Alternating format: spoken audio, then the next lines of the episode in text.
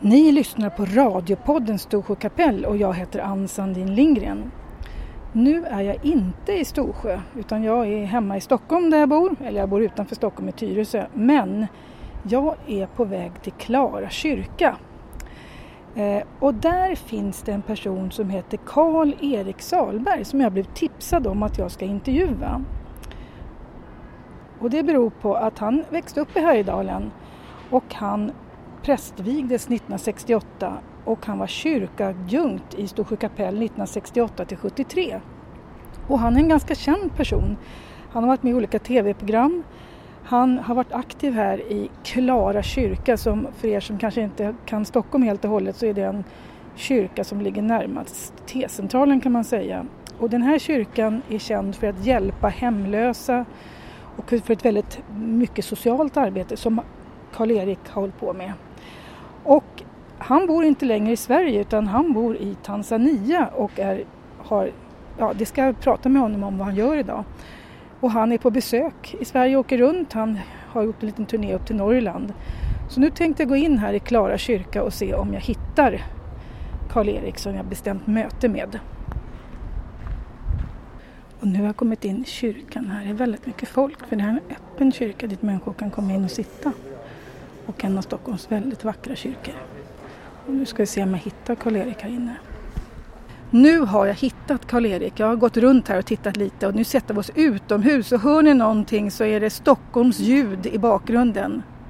Karl-Erik, varför sitter vi här vid Klara kyrka?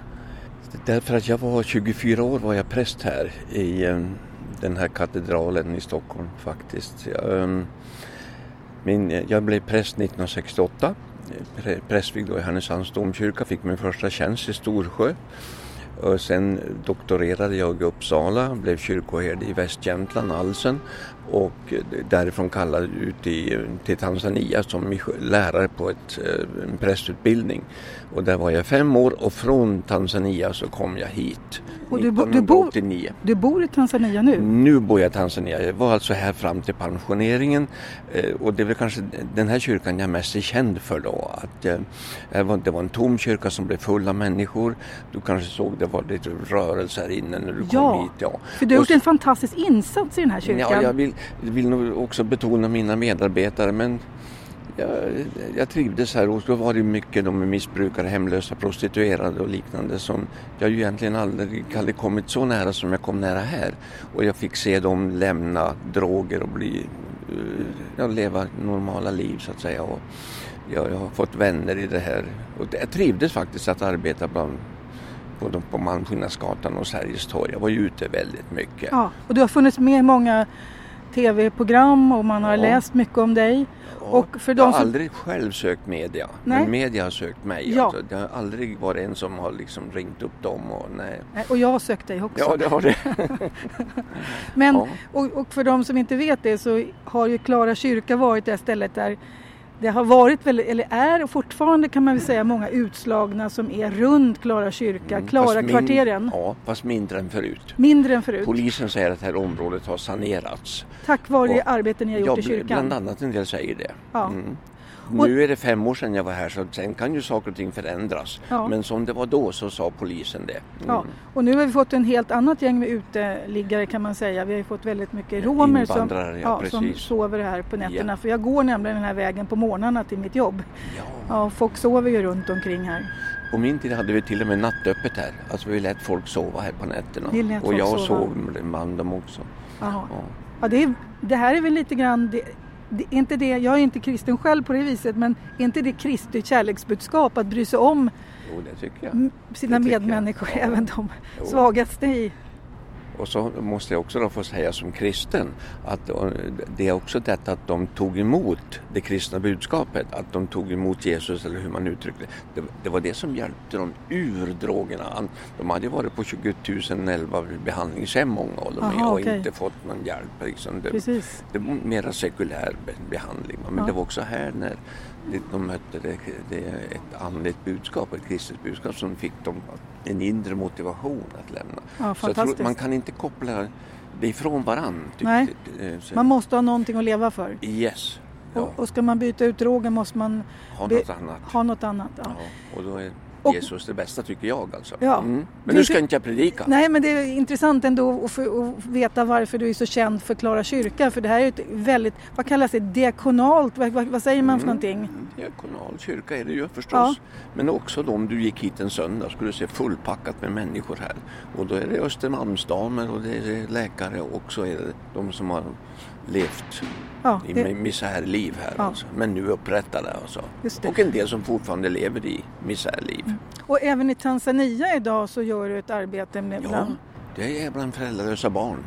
oj, Så att jag ligger inte på latsidan utan jag och min fru goda hustru vi, vi har ett arbete bland 150 föräldralösa barn som får hjälp allt för livet. Det mm, det- till, upp till 18-årsgränsen har vi satt. Det kan bli längre också men eh, de bor i 24 familjer. jaha, Så att nej, vi har, det, är, ett det ett ganska stort arbete faktiskt. Och det, det, ett barnhem har, läste Nej, inte barnhem. Det- här, vi det tror inte jag. på barnhem. Ni tror Nej, inte de på står, en del säger det. Nej, Ja. barnhem då, då, lever man i institution 60 stycken. Va? Ja. Och så sen lämnar man det barnhemmet när man är 20 år, säger vi.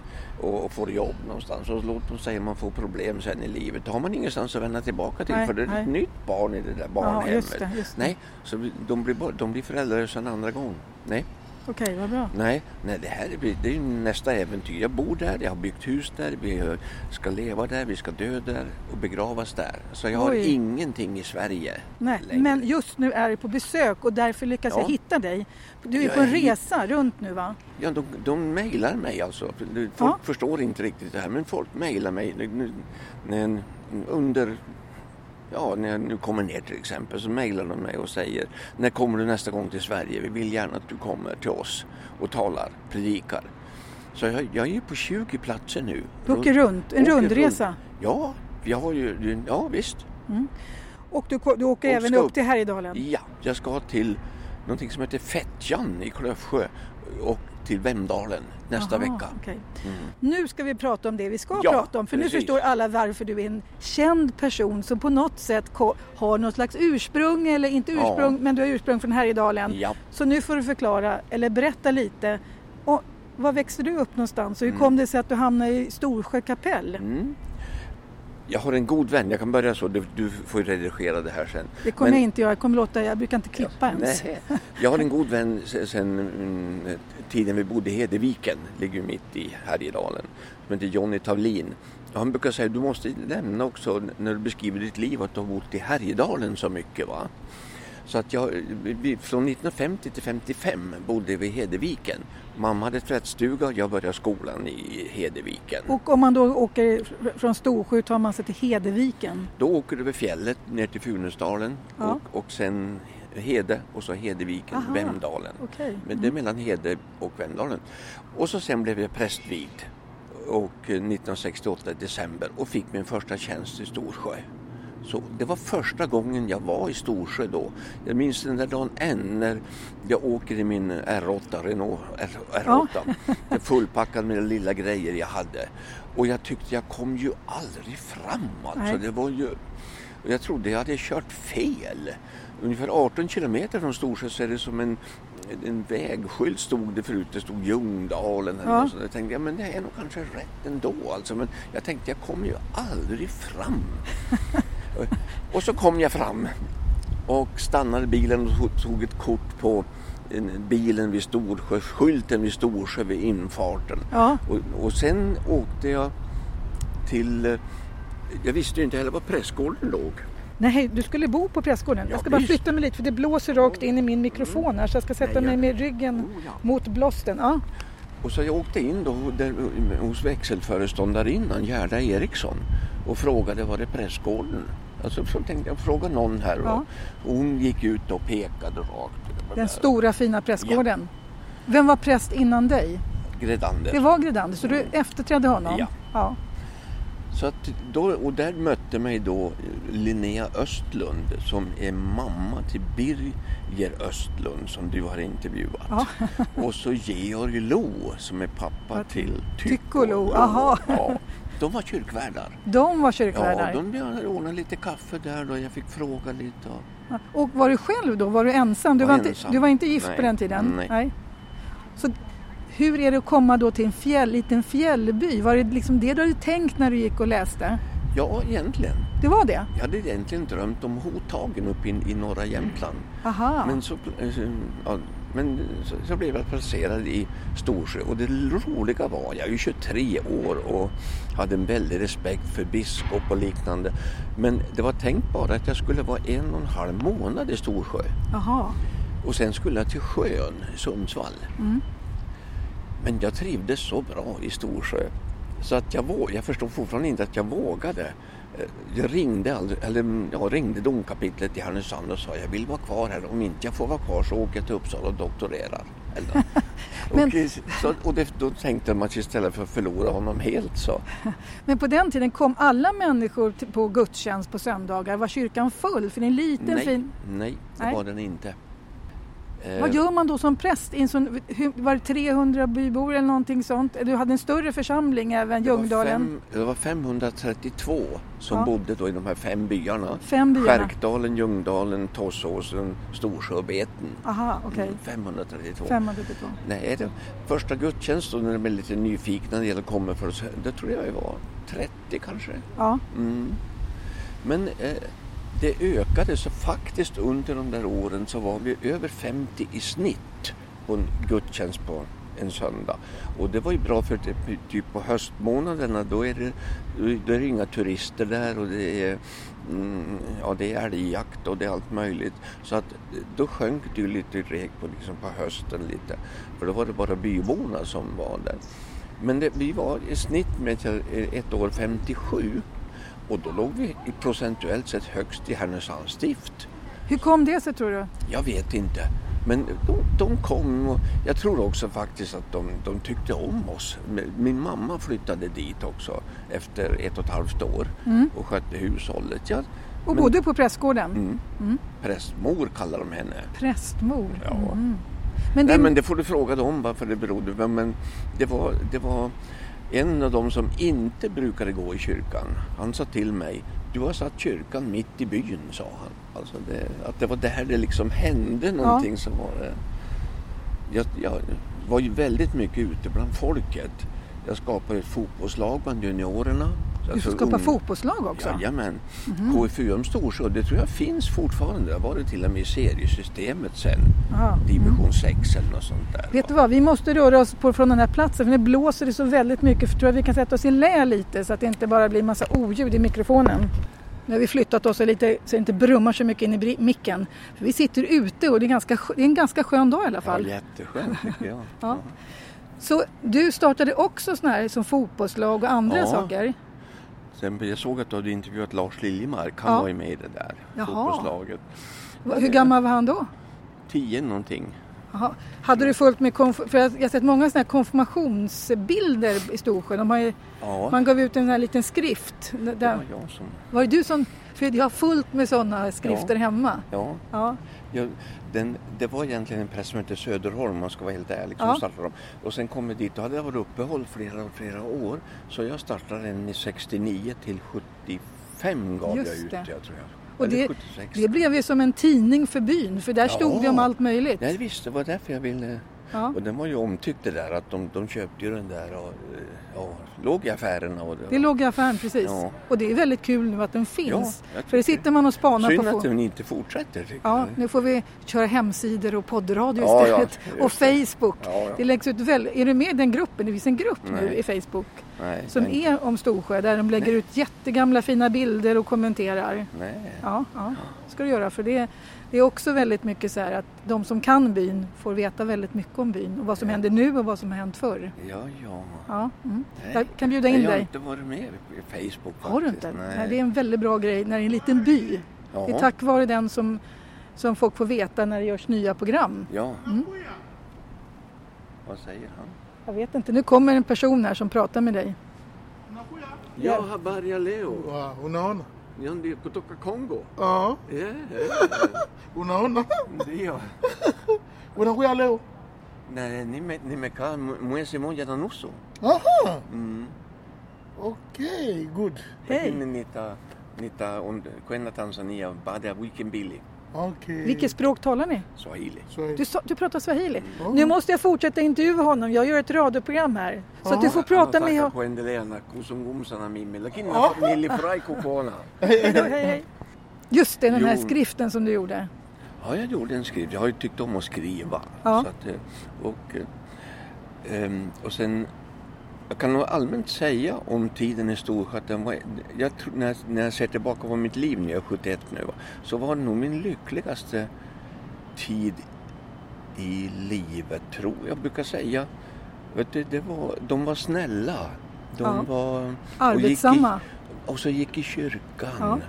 Vänliga emot men det var, ställde aldrig till några problem för mig. Det var också väldigt hedliga människor, eller hur? Det var väldigt, det var ju, Ja. det var ju väldigt schyssta människor. Det Ja, är väldigt schyssta ja. människor i Storsjö kapell. Ja, och väldigt lite av eh, ja, man ska säga, fylla och, och bråk. Och, Mm. Nej, det var... Nej, nej jag, jag tyckte... Det är därför bland annat som vi sen skaffade oss en, en, den där gården där också. Ja. Så mamma fick...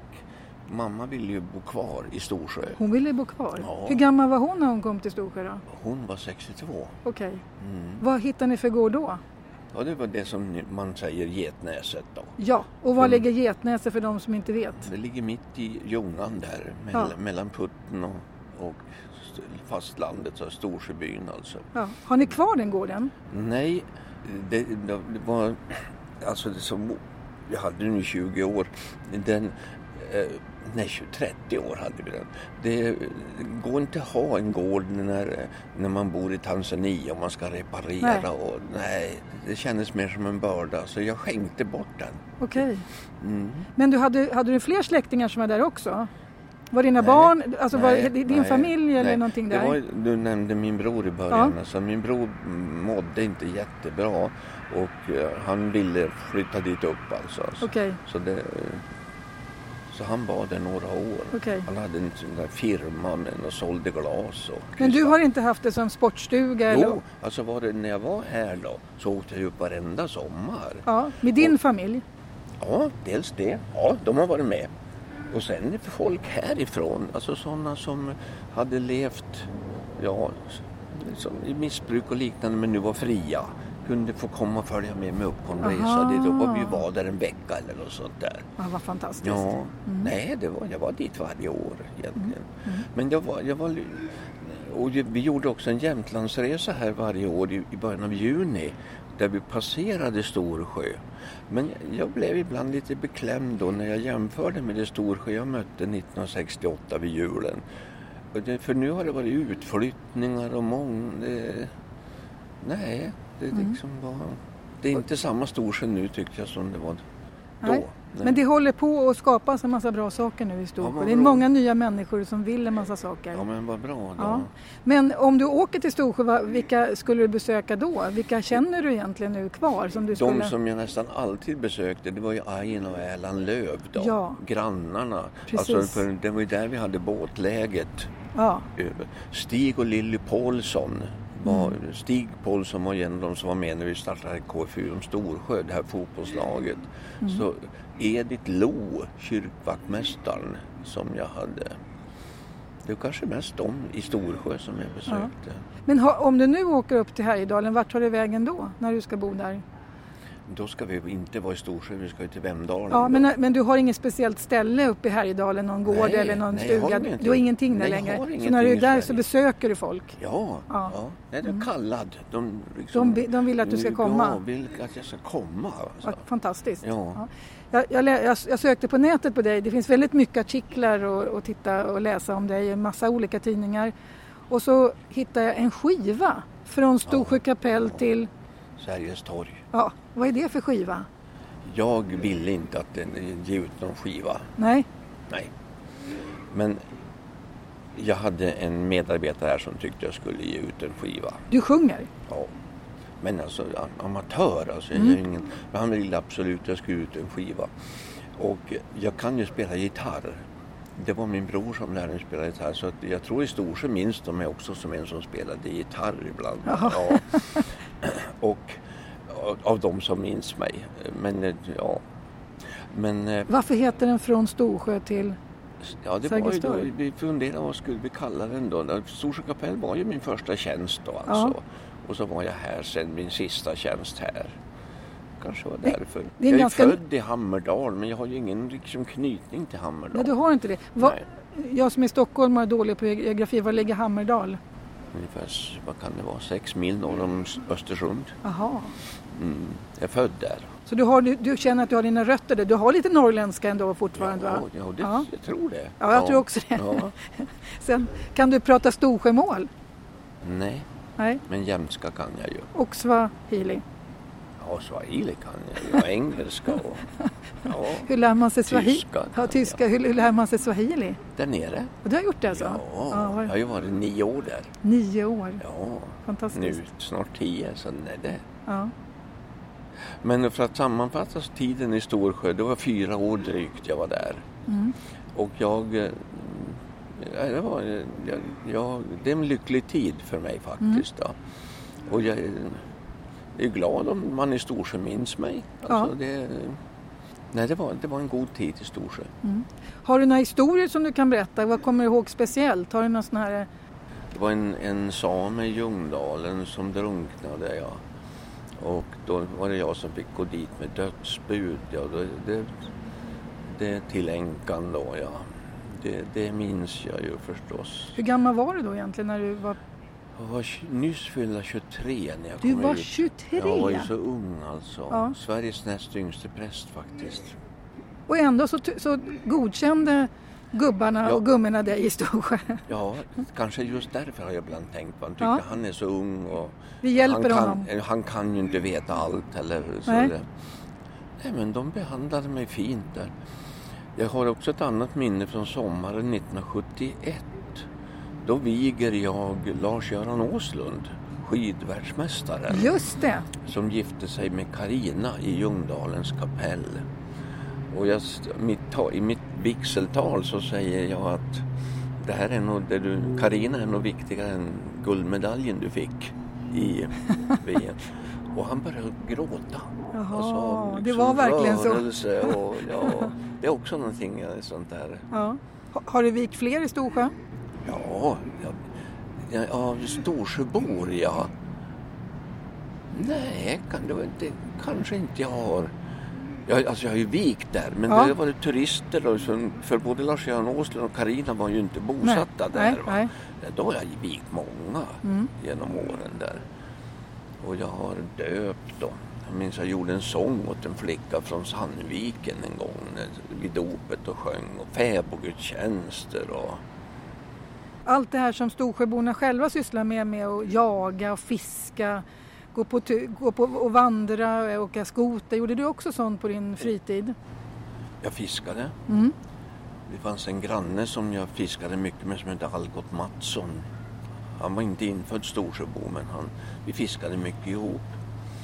Jag, ehm, jag, åkte snöskoter. Jag Ja. skaffade snöskoter. För det är väl nästan förutsättning man ska kunna röra sig ut på vintern va?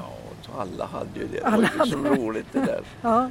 Jag ordnade också lite som heter snöskotertävling. Alltså för att man först var på gudstjänsten och så var det en slinga ja. med frågor. Jaha, ungefär som lite Ja, sån tipspromenad. Ja, fast... fast... en tips från att passa på snöskoter. Ja. Och, då var det, eh, och då måste man ha varit i kyrkan för att kunna besvara alla de där frågorna. Smart. Så det minns jag också. Ja. Och så söndagsskola, alla barn var ju med. Och Ja, alla ja. alla blev konfirmerade mer eller mindre. Det Ja, gjorde man va? det var en som inte gjorde det. Jag förstår, och jag, jag förstår inte varför. Men annars tror jag det var en under mina år. Mm. Skulle som du... jag inte känner. Ja, som, så det var, en- vi hade ingen... Det var inte så att han och jag hade blivit okontant på något vis. Jag tände, han, han bodde på andra sidan sjön där, Jaha. vid putten där. Jaha. Nej, han, han konfirmerades inte. Men, men skulle du säga att människor i Storsjö var eh, kristna eller religiösa? Det var ju väldigt mycket arbetarmoral och man var ju liksom egentligen... Det var ju... Det var ju Han, ja, om jag ska vara lite personlig så tycker jag nog att jag var en, jag har sagt det överallt när jag är ute och talar, att jag var en dålig präst i Storsjö. varför då? Jo, jag var oerfaren. Nej. Men, eller dålig, men jag ska förklara. Eh, jag hade inte haft någon riktigt bra modell tyckte jag sen när jag blev på väg att bli präst när det gäller hembesök Mm. och sorgebesök och sjukbesök. För jag ska nog till min beröm säga att jag gjorde väldigt mycket hembesök. I Storsjö? Ja. Mm. Jag tror jag minns på slutet, jag räknade att jag hade varit inne i alla hem utom ett. Och det var för att de var inte hemma den gången och sen blev det inte. Ja. Det var inte de gick inte i kyrkan ofta men, men jag tänkte man ska hälsa på en då som församlingens präst. Och, nej, jag gjorde hemskt, väldigt många hembesök, det måste jag säga. Och, men det, jag, jag tyckte jag gjorde taffliga hembesök. För till exempel om jag besökte en nybliven änka, jag tänker på Kerstin Åslund i Storsjö. Hon miste först sin son och sen miste hon sin make inom bara några månader. Där. Men hälsade på Kerstin mycket. Men tänkte aldrig en enda gång att jag, att jag liksom kunde ha en andakt med henne och be om styrka för henne. Eller så. Jag var där och pratade och var Du var medmänniska? jag var medmänniska, ja. Men Mm. idag skulle jag ha mera varit präst också. Men det hade, att jag hade ingen modell. Jag hade aldrig sett någon annan präst göra något sånt där. Alltså. Och i prästutbildningen var det ingen som sa hur man gör på ett sorgebesök eller på ett sjukbesök Mhm. när man kommer till någon som är sjuk. Det var också någon som låg döende i cancer i, i Storsjö Mm. till exempel. Jag kunde ha gjort mycket, mycket, mycket mer. Så det har jag. Jag kan inte säga att jag haft dåligt samvete för det, för det var ju ingen som hade lärt mig det. Va? Nej, Men det var ditt första ja, jobb ju. jag tyckte att jag var en dålig... Jag har aldrig varit så dålig präst som i Storsjö, tycker jag. Eh, Nej, Men- det tycker jag. Men, men du var en bra medmänniska. Jag kanske så, va? Mm. Det är väl inte så dåligt det va? Nej, fast det, om jag hade kommit till Storsjö idag då var det 23 år. Så hade du frälst hela gänget? Nej, men jag, hade, nej, jag har inte liksom varit en buffel som liksom har trängt mig på en som Nej. säger att han är ateist och säger du måste, Ja. nej, nej. Men eh, jag skulle nog ha kunnat eh, kanske be en bön eller sjunga Ja. en psalm ihop eller någonting. Och jag vet att utifrån de andra erfarenheterna här, det uppskattar ju folk. Alltså, Ja. Det är ju inte något som de känner sig pinsamt berörda. Utan Ja, det är det- nästan att de nästan... Jag minns jag hade ett samtal här inne med en rådman. Då, då var jag ett halvår i Sätra i Skärholmen innan jag kom hit. Eh, Och väntade på att få den här tjänsten skulle påbörjas så var jag där. Och då kom en, råd, en rådman ute i Sätra som miste sin son. Och, och han och hans fru miste sonen. Och han kommer hit en gång på besök och hälsar på mig här inne sen när jag är här. Och så, så, så frågar jag honom, vill du, vill du bikta dig eller något sånt där? Vill du att jag ska be för dig eller något sånt där sa Mm. jag till honom. Ja, men det är därför jag kommer hit, sa han. och det, fast det hade han ju inte sagt. Nej, nej. Och så lite mer så skulle jag velat vara i Storsjö. Mm. Däremot på slutet, det kan jag få berätta om, så hände det. Jag blev, jag blev bättre kanske med åren. Jag tror jag törs säga det, för de finns ju inte längre i livet. Men en av dem som blev en kristen, ehm, det var Gustav Moen. Jag vet inte om du vet var han bodde? Solgläntan uppe Jaha, just det. Ja, okej. Ja. Mm. skogsarbetare. Ja, ja. Mm. Han gick i kyrkan jämt. ja. Och var det nattvard så gick han fram. Okej. Och vi står vid Erikssons en dag, Gustav och jag. Och så pekar han på kyrkan och då är han tårögd. Det är det bästa platsen i byn, sa han. Ja. Och, och han ville ha en bibel och jag köpte en bibel åt honom. Men hans fru Ragnhild gick inte. Nej. Och byskvallret sa att hon hade varit lite hård med Gustav. Men alldeles på slutet när jag är där i Storsjö så ringer av alla människor Ragnhild och vill att jag ska be för Gustav. Okej. Ja. Men Gustav var ju 80 år, liksom. han var ju, det var ju, eh, så att det var ju inte att han dog så att säga, på ett vis i förtid utan han, han var sliten skogsarbetare som var Ja. kring 80 år. Men trogen i kyrkan. Och så vi gjorde ju det, men, men eh, Gustav dog. Men innan han dog så är jag upp vid påsken då, sen hade slutat där och, och leder nattvardsgudstjänsten på skärtorsdag. Då är de båda där. Ragnhild och Gustav. Och båda går till nattvarden. Mm. Men sen dör han. Och, så, och, jag, och de hade bett att jag skulle begrava. Jag var i Uppsala när jag åkte upp. Jag tycker man måste, när en, en, liksom en avliden om man kan säger att jag vill att Salberg, Karl-Erik ska begrava mig. Så det är svårt att säga nej. Ja, jag. Så verkligen. Mm. Men jag åkte upp och då, kyrkan var ju fullpackad. Det är en stor släkt den där mojen och Gustav var omtyckt i byn så kyrkan var ju full av människor. Och jag, som aldrig, jag brukar aldrig gråta. Jag är inte lätt för att gråta. Nej, nej. Men då, då grät jag. För mig var han en bärgad själ för himlen. Mm. Gustav alltså som jag hade haft så. Ja, Fantastiskt. Här, ja, just det. Eh, Och sen är det då, du vet ju var kyrkogården är i Storsjö. Den är ju inte runt kyrkan. Nej, utan precis. man- Det är en väldigt vacker kyrkogård Ja, och är väldigt, väldigt välskött. Ja. Ja. Och då åkte vi den här kortegen upp dit då. Ja. Och jag tyckte det var himlen liksom den där dagen. Och så står Ragnhild där. I svartklädd. Och jag har inga ord att säga till henne när jag ser henne stå där.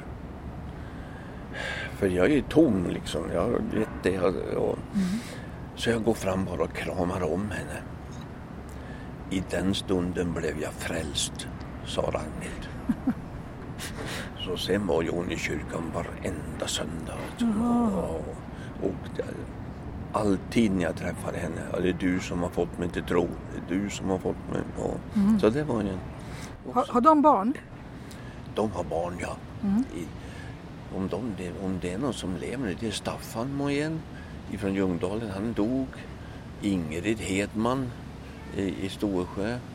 Ehm, jo, en som heter, bor i Uppsala som, jag vet inte om hon lever, jag tror hon heter Rut. Ja, men i Storsjö bodde då Staffan Mojen i Ljungdalen och Ingrid. Där vid Prästgården nästan, granne med Prästgården. Måste man som, eh, när man har en sån här bil, då, då, då kan man alla namn på människor. Man är tvungen liksom att hålla ordning på folk. Ja. Det är en del av ens Ja. jobb att veta. Ja, ja, och jag, jag brukar skoja ibland. Men för det första vill jag säga att jag har lätt för namn. Som du kanske märker när ja, jag pratar exakt, om folk exakt, här. Så, exakt. Ja. Men sen, sen brukar jag säga när man har varit där ett tag så lär man sig också vad barnen heter. Ja. De har barn i Stockholm och de har Ja, barn. exakt. Om man varit riktigt länge på platsen då vet man vad husdjuren heter. Hur är det med Karo idag? När man träffar dem på byn, hur Ja, är det med... ja exakt. Jaha, vad trevligt. Ja. Ja. Vem, när du slutade som präst, va, va, vem kom efter dig då? Det, det, det kom ingen, det kom ett ämbetsbiträde, en som alltså inte kunde göra de här förrättningarna, som hette Gradin. Mm. Som jag aldrig har träffat konstigt nog. Han var från Kramfors tror jag. Mm. Hon tyckte om honom. Men han... eh, Och sen kom en, en präst på sommaren som hette Harris Lagerbrink. Han var ett och ett halvt år ungefär. Men den som var lite längre som jag tror Storsjöborna minns och som tyckte, de tyckte om som heter Peder Hartvig. Kom till Lit sen.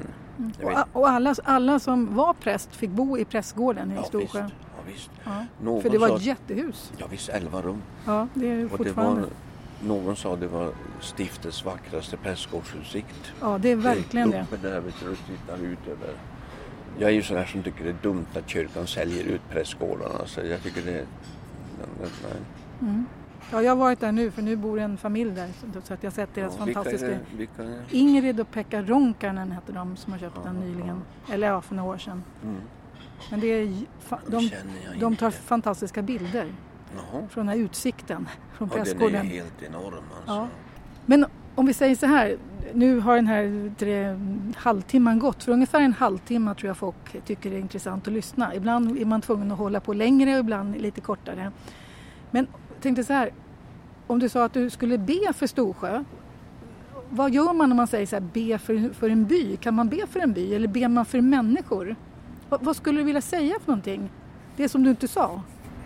Nej, jag- jag skulle ju vilja att eh, förstås att alla, alla blev kristna. Alltså det, för att det, det är det största bonusen jag fått i mitt eget liv. Alltså det är att jag, att jag blev kristen. Alltså ut, jag, jag, vi, vi var fattiga människor, vi levde, mamma och pappa var skilda. Eh, och så tar jag det här steget, alltså att bli kristen. Och, eh, allting vände för oss. Hur kom det sig att du tog steget då? Om du inte, om, för ibland har man ju en pappa som är präst och fortsätter, som Gredander som hade... Ja, just det. Nej, jag, eh, pappa trodde inte på den tiden, sen ändrade han sig. Som så pappa och mamma var skilda så vi hade ju med mig mamma. Mamma trodde självklart på Gud. Och Gud var god. Så det var, ehm, så det var liksom självklart för mig. Sen hade jag faktiskt, fast den- hade inte så stor betydelse för min tro, för jag trodde redan. Men jag hade alltså helt enkelt en, ett möte med Jesus. Alltså jag var på en film, en bio i Svenstavik, i UGT-lokalen, vi bodde ju där då. Och mitt under en film som är barntillåten så ser jag honom. Och sen vet jag när jag sagt det att en del kan ju tro det är en knäpp. Men sen möter jag ganska många människor, ingenjörer och andra när jag går till, ut i landet och kanske berättar det här. Ja, de kommer också säga, jag har också sett honom, säger de. Och, ja, de vågar liksom inte och tänker det är ju mentalsjukhuset direkt liksom. Men nej, det var lika verkligt som jag sitter med dig faktiskt. Ja, Ja, ja. Och han tittade på mig.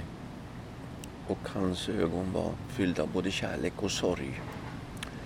Och sen försvann han. Alltså självklart att jag, att jag trodde på honom och ville vara hans.